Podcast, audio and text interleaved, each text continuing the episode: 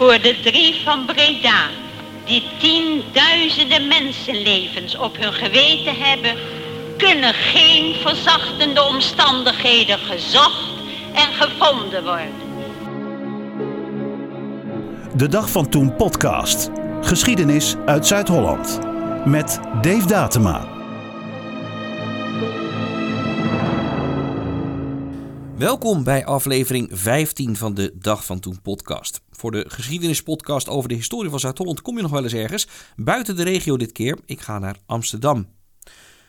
Want voor deze aflevering lopen de emoties hoog op. In heel Nederland en met name in Den Haag. We gaan terug naar 1972 en de hoorzitting rondom de drie van Breda. 92.000 zouden druk vermoord. 90.000 Nederlandse. Alle mensen hebben wel fouten gemaakt. Ja, maar toch niet zo. Niet zo. Handen, vriend u. Houd uw handen eraf, ik ga er vrijwillig af. Als dit een Nederlandse recht is, dan weet ik het wel. Houd uw handen eraf, ik ga er vrijwillig uit. Zeg ik u toch? Ik had heel lang een Marokkaanse slager en ik was toen bezig met mijn proefschrift, was in de periode 2001-2005 en ik vertelde waar ik mee bezig was, namelijk met de drie van Breda en hij wist dat. Uh, het was een slimme man, maar het was, ook, het was ook gewoon, ja, de drie van Breda, dat wist je gewoon. En dat komt door die hoorzitting. Ik schors de zitting voor vijf minuten.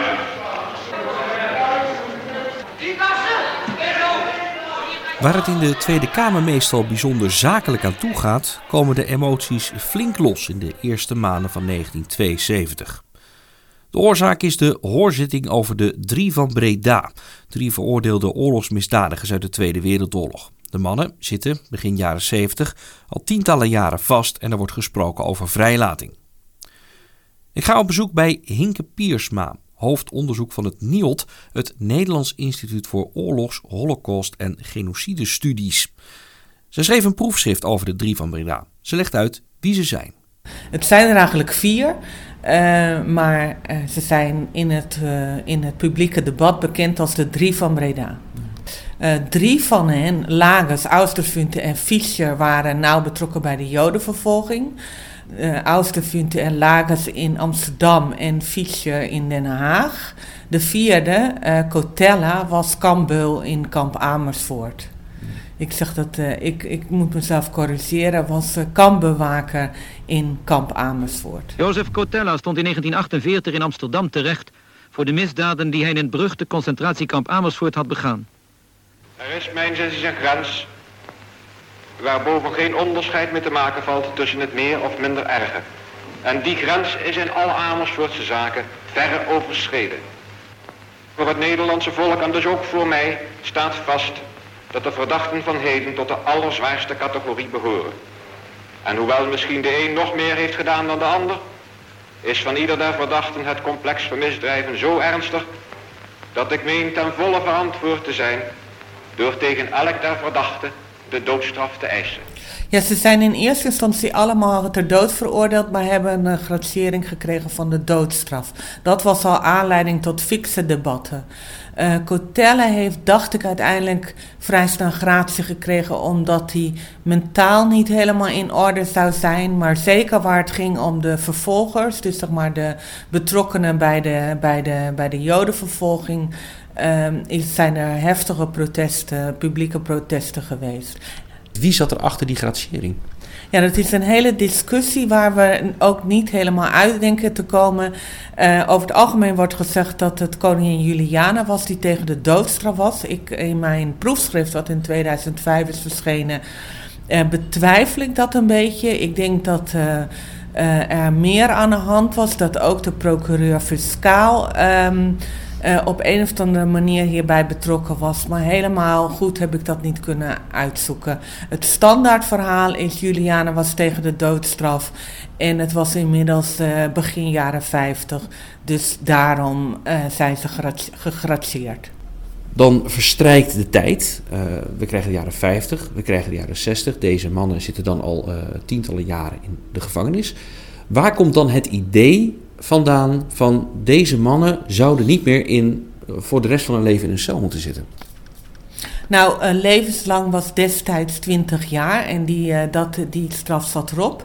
En uh, in het strafrecht is het ook zo dat wanneer een straf geen doel meer dient, dus herhaling of, of iets dergelijks, ja, dan is het, was het gewoonte om mensen te gratiëren.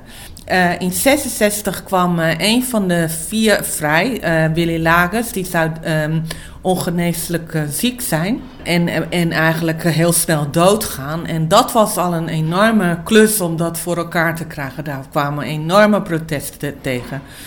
Uh, in 69 uh, was er minister van Justitie Polak. Die heeft het ook geprobeerd om de, om de laatste drie op een of andere manier uit de gevangenis te krijgen. En die stuitte ook op veel protesten.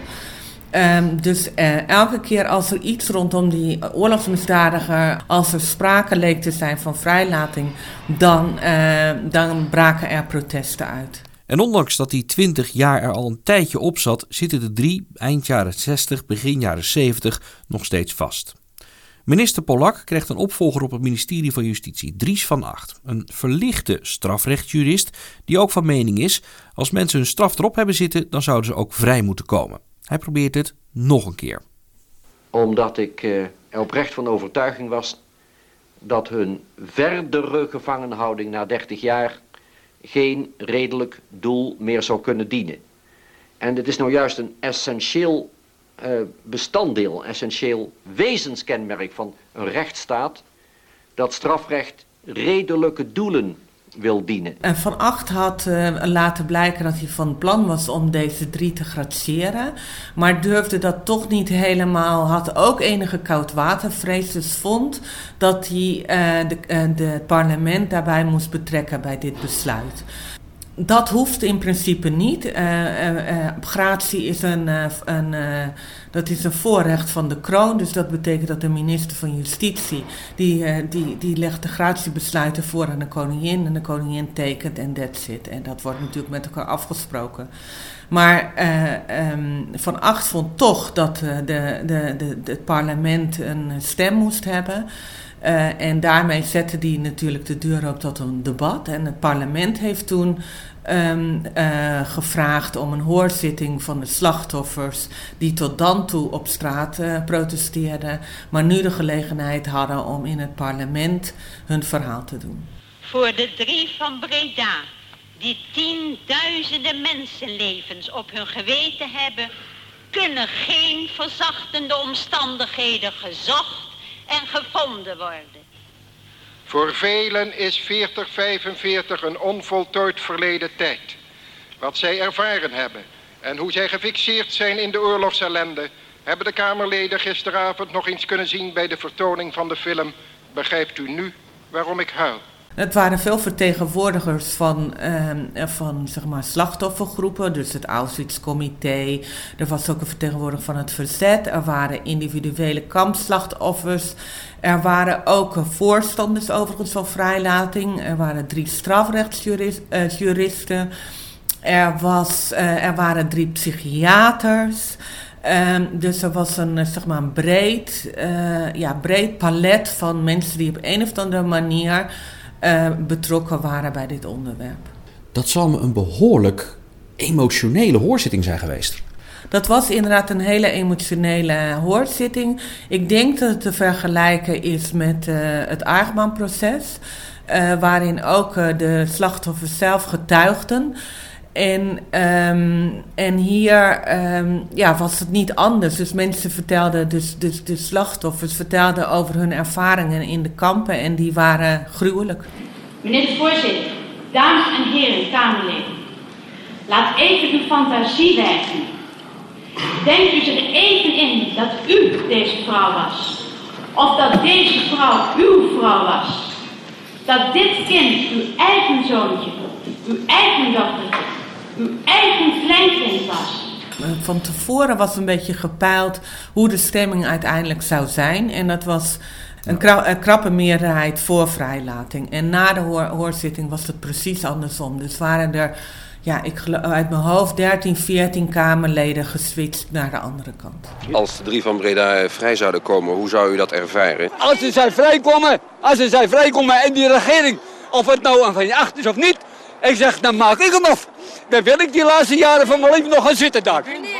Zo is het nu. Ik wou dat ik mijn moeder nog kon bezoeken in de gevangenis. Ze moeten nog blijven dat ze bezocht worden. Ik wou dat ik mijn moeder kon bezoeken, mijn hele familie. Die, mijn vader die uit elkaar getrokken is in mijn huis door die honden van die beesten. Ik wou dat ik ze bezoeken kon. Daar is hij geworden voor te vinden, want ik maak me kwaad, ik word wild. Maar ze mag mij een revolver geven en ik ga naar Breda schieten neer. En ik wil me dood geven ervoor. Mijn leven wil ik ervoor geven. Om mijn ouders, mijn hele familie en ook andere mensen die bij ons horen. Het, het, uh, hoe noemen ze het ook weer? Te, te, God, ik ik, wreken, laat ik het zo zeggen. Ik heb een haat ze. Nou, ik denk dat er toen uh, veel uh, meer bewustzijn kwam voor wat, uh, wat die vervolging feitelijk betekende. En dat is eigenlijk, dat was al in gang gezet door de publicatie van Ondergang, gepubliceerd in 1965. Die vloog van de toonbank. Ehm, dus dat werd massaal gelezen door de Nederlandse bevolking. Uh, die hoorzitting, ja, toen zagen mensen gewoon getuigenissen in de huiskamer zelf. Het was een, dat duurde de hele dag en uh, mensen waren getuigen van ja, wat er eigenlijk in die vernietigingskampen was gebeurd en wat de redenen waren voor de slachtoffers uh, om het onverdraaglijk te vinden dat die drie uh, zouden worden vrijgelaten. En als ze nu vrijkomen, dan zijn jullie weer schuldig. Zoals jullie 2000 jaar schuldig zijn aan ons leed. Nee, niet doodschieten. Ons met rust laten. En niet doodschieten. Nee, niet doodschieten. Nee, niet doodschieten. Niet doodschieten. Was de Joodse samenleving in Nederland, was die ook eensgezind over wat er met de drie moest gebeuren? Nee, die was zeker niet eensgezind. En dat zou eigenlijk nog een heel interessant vervolgonderzoek zijn. Uh, er, wa er waren echt uh, verdeeldheid binnen de, binnen de gezinnen. Dus de vader voor en moeder tegen. Um, je, je ziet, wat ik in mijn onderzoek wel heb gezien, dat de jongere generatie over het algemeen fel tegen was. Dit is natuurlijk een generalisatie. En fel tegen bedoelt dan fel tegen langer vastzitten? Wel tegen vrijlating. Maar het was heel erg verdeeld. En bijvoorbeeld Abel Herzberg, uh, misschien nog wel bekend, uh, zelf ook vervolgde. Um, en historicus die, um, ja, die, die, die, die neigde toch uh, voor vrijlating. Het, het, argument was namelijk dat je, dat je zei van laat ze nou maar gaan. Uh, want dan hebben we niet elke keer die onrust over wel of niet vrijlating wanneer het een, een discussiepunt is. Een dus, wond die elke keer wordt opengehaald. Precies. En um, nou ja, dat was een van. En, en, maar het andere argument was ja, dat men het onverdraaglijk vond dat de moordenaars van zoveel uh, familieleden uh, ja, ooit weer op vrije voeten kwamen. Dus dat waren de twee meest prominente argumenten. Zowat onze hele familie is uit, uit, uitgemoord. En ik kan het gewoon niet begrijpen dat er toch nog mensen zijn die voor vrijlating zijn. Ik vind het verschrikkelijk dat ze, als ze worden vrijgelaten, dan ik kan het niet begrijpen. Dat is niet, dat is niet het enige. Nee, ik, nee, ik heb er gewoon geen woorden voor. Ja, ik denk wel dat het extreem leefde. Ook omdat uh, natuurlijk uh, Van Acht uh, niet onomstreden was als minister van Justitie. Sowieso niet. En dus het ook een manier was om, met, ja, om over deze, ja, deze toch wat merkwaardige uh, politicus, uh, nou ja, uh, gram te spuien. Dus het was ook voer voor parlementaire journalisten. Hij heeft natuurlijk gezegd, hij, heeft, hij is beroemd geworden met zijn be beruchte um, Ariër-uitspraak. Ik ben een Ariër, dus voor mij is het heel erg ingewikkeld om de drie van Breda te graciëren. Nou, toen had hij het eigenlijk al verloren. Dit was voorafgaande aan, aan, aan het debat. En uh, hij heeft dat denk ik niet zo bedoeld. Zijn voorganger was Polak en uh, dat was een, een, een uh, die was van Joodse kom af. die, voor, die voorganger was Sam Kalden, ook van Joodse kom af. Dus ik denk dat hij het zo bedoeld heeft dat hij, nou ja, dat die het al niet voor elkaar hadden gekregen. Dus dat het voor hem helemaal een hele klus was. Maar het kwam er natuurlijk hoogst ongelukkig uit. Aan het slot van de zitting kwamen de emoties van de toehoorders op de publieke tribune tot een uitbarsting. De niet-gratieverlening zou een remmende invloed uitoefenen op de vernieuwingsbeweging die in dat strafrecht is ingezet en waarvan het van zo groot belang is. Ik schors de zitting voor vijf minuten. Op een gegeven moment is er een voorstander tijdens die hoorzetting van vrijlating, een strafrechtjurist. En dan moet het debat worden onderbroken, omdat er zoveel reuring uitbreekt op een publieke tribune. En dan zie je ook, want er zijn nog beelden van, je ziet ook de Kamer, de Kamerleden echt, nou ja, zo'n beetje verschrikt. Jij kan het niet voordoen, want het is geluid. Maar echt zo, nou ja, onthikt uh, naar boven kijken wat er, wat er aan de hand is. Ja, dat zijn mensen die, die voelen zich zo mm, geraakt door iemand die pleit voor vrijlating. Ja, en mensen die echt gewoon huilen en, en, en schreeuwen en half flauw vallen. En, en, en uh, omdat ze zo, uh, nou ja, zo emotioneel erbij betrokken zijn. En ik denk dat die tafereelen zich nog niet zo vaak hebben voorgedaan in het parlement. Nooit even allemaal doen ze wel verkeerde dingen hoor. De ene is niet betere standaard. Daar hebben ze toch geen voor dood schijnhuilen de een of de ander. Ach, man, heb ik altijd zo. Mijn landgenoten zijn ja, door de Japanners vermoord. geweest. Je krijgt duidelijk te zien dat, um, dat men het er allemaal heel moeilijk uh, mee heeft. Dus uh, zowel voor als tegenstanders. En uh, wat ik in mijn proefschrift zeg is dat. Um, uh, voorstanders van vrijlating het op een bepaalde manier lastiger hadden, omdat zij moesten verdedigen waarom ze voorstander was. Dus uh, daarin, uh, die hadden meer argumenten nodig om hun standpunt uiteen te zetten dan de tegenstanders. Want het collectieve, zeg maar, het, collectief, de publieke opinie was toch laat die mensen zitten. Um, waarom zouden we ze vrijlaten als dat zoveel verdriet met zich meebrengt? Welke partijen waren eigenlijk voor vrijlating? Ja, dat is grappig, want het is verdeeld eh, binnen partijen. VVD uh, was, van, uh, was altijd tegen vrijlating, maar het was vrijelijke stemming, hè? dus het was hoofdelijke stemming, heet dat geloof ik. Dus iedereen, het was geen partijdiscipline, dus iedereen mocht het zelf beslissen. En verder weet ik dat niet zo ontzettend goed uit mijn hoofd. Uh, maar ik, ik, weet wel dat, dat, nou ja, wat was het? 150, 67 tegen pff, zoveel. Dus het was echt over alle partijen verdeeld. Een vrije, vrije stemming, niet aan het partijdictaat uh, hoeven houden. Dat gebeurt niet zo vaak, hè? Ja, eigenlijk was de zaak langzamerhand van een juridisch probleem, gradering of niet, uh, naar een emotioneel-psychologisch probleem uh, verschoven. En uh, dat zie je heel erg in 72, waarin iedereen bij zichzelf te raden gaat en bij zijn eigen geweten te raden gaat wat, wat, hij, wat hij moet doen. En eigenlijk verliezen de juridische argumenten hun kracht. Enkele dagen later kwamen een paar duizend mensen, onder wie velen voor de tweede maal bijeen op het Binnenhof toen de door minister Van Acht voorgestelde vrijlating van de drie van Breda in de Tweede Kamer werd behandeld. Het was inmiddels 1 maart geworden toen na een zitting van 13 uur hoofdelijk werd gestemd. De uitslag van de stemming is dat zich hebben verklaard voor deze motie 85 leden, daartegen 61, zodat de motie is aangenomen. Ik stel voor het officiële verslag goed te keuren. De vergadering is gesloten. Zo sprak de volksvertegenwoordiging zich met een belangrijke meerderheid uit tegen de vrijlating die voor degenen die de Duitse hel hebben overleefd tot op de dag van vandaag een onoverkomelijke zaak is. Ja, toen na afwijzing door de Tweede Kamer viel er ook niks meer te zeggen. In, in de stemming van het is voorbij, het is mislukt, het is geen goede uitkomst. Ik heb gefaald. Ja, het was zeker de zwaarste nacht van mijn leven. Ja, die hele kwestie heeft hem natuurlijk heel erg aangegrepen. Hij kreeg ook bedreigingen, uh, hij zou niet deugen. Uh, hij, nou ja, hij kreeg natuurlijk ook de volle emotionele lading over zich heen. En je moet je voorstellen, hij kwam uit Nijmegen, uit een universitaire omgeving. Werd uh, op een of andere manier minister van Justitie. En kreeg dit vrij snel na zijn aantreden voor zijn voor kiezen. Dus hij had geen idee volgens mij wat hem overkwam. Na de hoorzetting gebeuren een aantal dingen. Er wordt een groep vertegenwoordigers uh, samengesteld uit uh, vervolgde organisaties en verzetsorganisaties, die vanaf dat moment de minister van Justitie gaan adviseren. Uh, eindelijk komt ook de wet uitkering vervolgingsslachtoffers tot stand. Die, uh, wat, concreet betekent dat mensen die op een of andere manier invalide zijn geraakt door de vervolging recht hebben op een uitkering, evenals hun nabestaanden.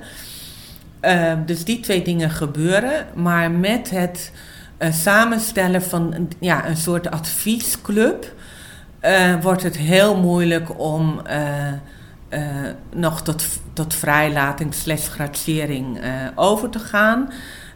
en dat uitzicht voor het eerst concreet in, op het moment dat Cotella ziek wordt en in de gevangenis dreigt te sterven, wat overigens ook zal gebeuren. En dan wordt er eindeloos vergaderd, gedelibereerd of hij wel echt op sterven zit en of hij wel echt moet worden vrijgelaten. En uiteindelijk, nou ja, gebeurt het dus niet en sterft hij in de gevangenis. Ja, op zich is uh, de, de discussie over of hij wel echt ziek is, is, is eigenlijk niet zo heel raar, toch? Nou, dat is niet zo raar omdat dat, uh, Lakens in 66 is vrijgelaten. En uh, nog leeft tot 71. Dus het argument is van ja, wanneer weet je dat iemand op sterft? En dat is niet echt een sterk argument in het licht van wat er met Lakens is gebeurd. Verder heb ik minister van, van Justitie van Acht natuurlijk geïnterviewd. En die zei eigenlijk had ik geen schijn van kans meer om ooit nog over vrijlating te praten. Daar was meer voor nodig. En dat gebeurde in ieder geval niet in de jaren 70, want toen was hij de hele tijd minister van Justitie. Dan wordt het uiteindelijk de jaren 80. Twee van de drie zitten nog altijd vast, Auster, Funten en Fischer. Maar dankzij alle overleggen en de eventuele ophef die dreigt te ontstaan, zit een vrijlating er nog altijd niet in. Of toch wel? Nou ja, in de jaren 80 verandert er iets. Dan zijn ze nog ouder. En eigenlijk wat ook ongewenst is, is dat uh, gevangenen in de gevangenis sterven. En, um, want ja, dat is, dat is toch ook, dan, ben je, dan kan je ook uh, dingen afvragen wat een rechtsstaat in feit, feite is. En daar hoort ook sterven in de gevangenissen. Of je dat wel of niet moet willen. En uh, ze hebben steeds meer zorg nodig. Dus in 87 begint eigenlijk weer wat te borrelen. Want dan, uh, kunnen, um, dan is de vraag of ze eigenlijk nog wel in die gevangenis te handhaven zijn. En of ze niet naar een verpleeghuis moeten. En dan komt natuurlijk ook de vraag of moeten we ze vrijlaten. En dan is er een groep van 19, weer vertegenwoordigers uit uh, verschillende delen van de, uh, van, van uh, nou ja, verzetsorganisaties, van oorlogsslachtoffers, een paar politici en die adviseren of die klimmen in de pen en die beginnen gesprekken met de minister van Justitie, Justitie dat is Korthals Altes, of het toch niet tijd wordt om die twee over de grens te zetten. Korthals Altes is een liberaal en die is principieel tegen vrijlating. Dus daar is nog wel wat werk aan de winkel. Maar het argument dat die twee uh, overgeplaatst moeten worden naar een verpleeghuis. Um, nou, dan kan je natuurlijk ook gewoon heel cynisch zeggen: moeten Nederlanders opdraaien voor uh, de kosten van die verpleging. En kort als Altus heeft zoiets, nou, als ze al zo oud zitten, zitten zo lang in de gevangenis. Als je oude bomen verplant, dan sterven ze. Hoe oud waren ze op dat moment eigenlijk? In de tachtig? Ja, in de tachtig zijn ze allebei. Ja, zijn ook uh, na hun vrijlating. Daar had Korthals altijd uh, gelijk in, dat kon hij niet weten. Maar ze zijn uh, drie maanden en een half jaar daarna zijn ze gestorven. Ja. Legde hij het opnieuw voor aan de Tweede Kamer, Altus? Ja, hij heeft het opnieuw uh, voorgelegd. Net zoals in 72. In 72 werd de motie Voogd ingediend. Uh, om zeg maar, de uh, regering dit besluit te ontraden, kwam er ook nu een motie. de motie Haas-Berger, bij ook weer een, iemand van de PvdA. En uh, deze motie haalde het niet. En toen zijn ze vrij snel uh, de grens overgezet. Rond half vijf ging de gevangenispoort open. Een motorescorte, een rijkspolitiewagen en een geblindeerde ambulance... met daarin Fischer en Auster Funten. We zijn nu, uh, even kijken, ruim 30 jaar verder. Hoe ziet u het proces eigenlijk van, van de jaren 60, 70, eind jaren 80? Hoe ziet u dat proces eigenlijk? Ik denk dat, het een, dat er iets heel erg interessants op gang is gekomen, namelijk het slachtoffer in het strafrechtproces. Um, dus uh, er is natuurlijk uh, zeker ook die verlichte strafrechtjuristen die vanaf de jaren 50, 60, 70 opkwamen en van wie Van Acht een van de vertegenwoordigers waren, die keken heel erg naar de bescherming van de dader. En ik denk dat we uh, steeds meer zijn gaan kijken ook naar de stem van het slachtoffer. En dat je zou kunnen zeggen Maar goed, het zijn hele grote stappen dat in 72 het slachtoffer in het strafrechtproces kwam en dat het slachtoffer ook gehoord werd. En dat is volgens mij, daar is het niet, uh, daar zitten we nog steeds middenin. Zegt Hinke Piersma, hoofdonderzoek van het NIOD, het Nederlands Instituut voor Oorlogs, Holocaust en Genocidestudies. Ik sprak haar over de hoorzitting rondom de drie van Breda dit jaar 50 jaar geleden. De fragmenten die je hoorde kwamen van het Polygoonjournaal, de Caro en het NOS Journaal. Historische verhalen uit heel Zuid-Holland. Van de Bollenstreek tot aan Rotterdam. En van Den Haag tot aan Gorkum.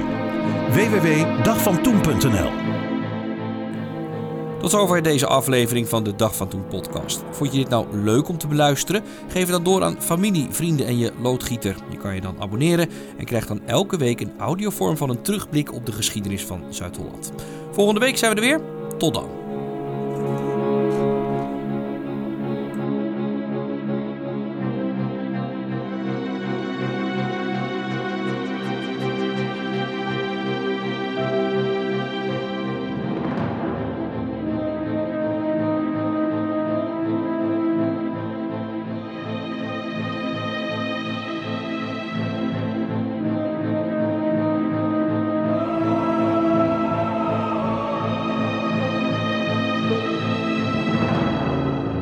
van Toen podcast.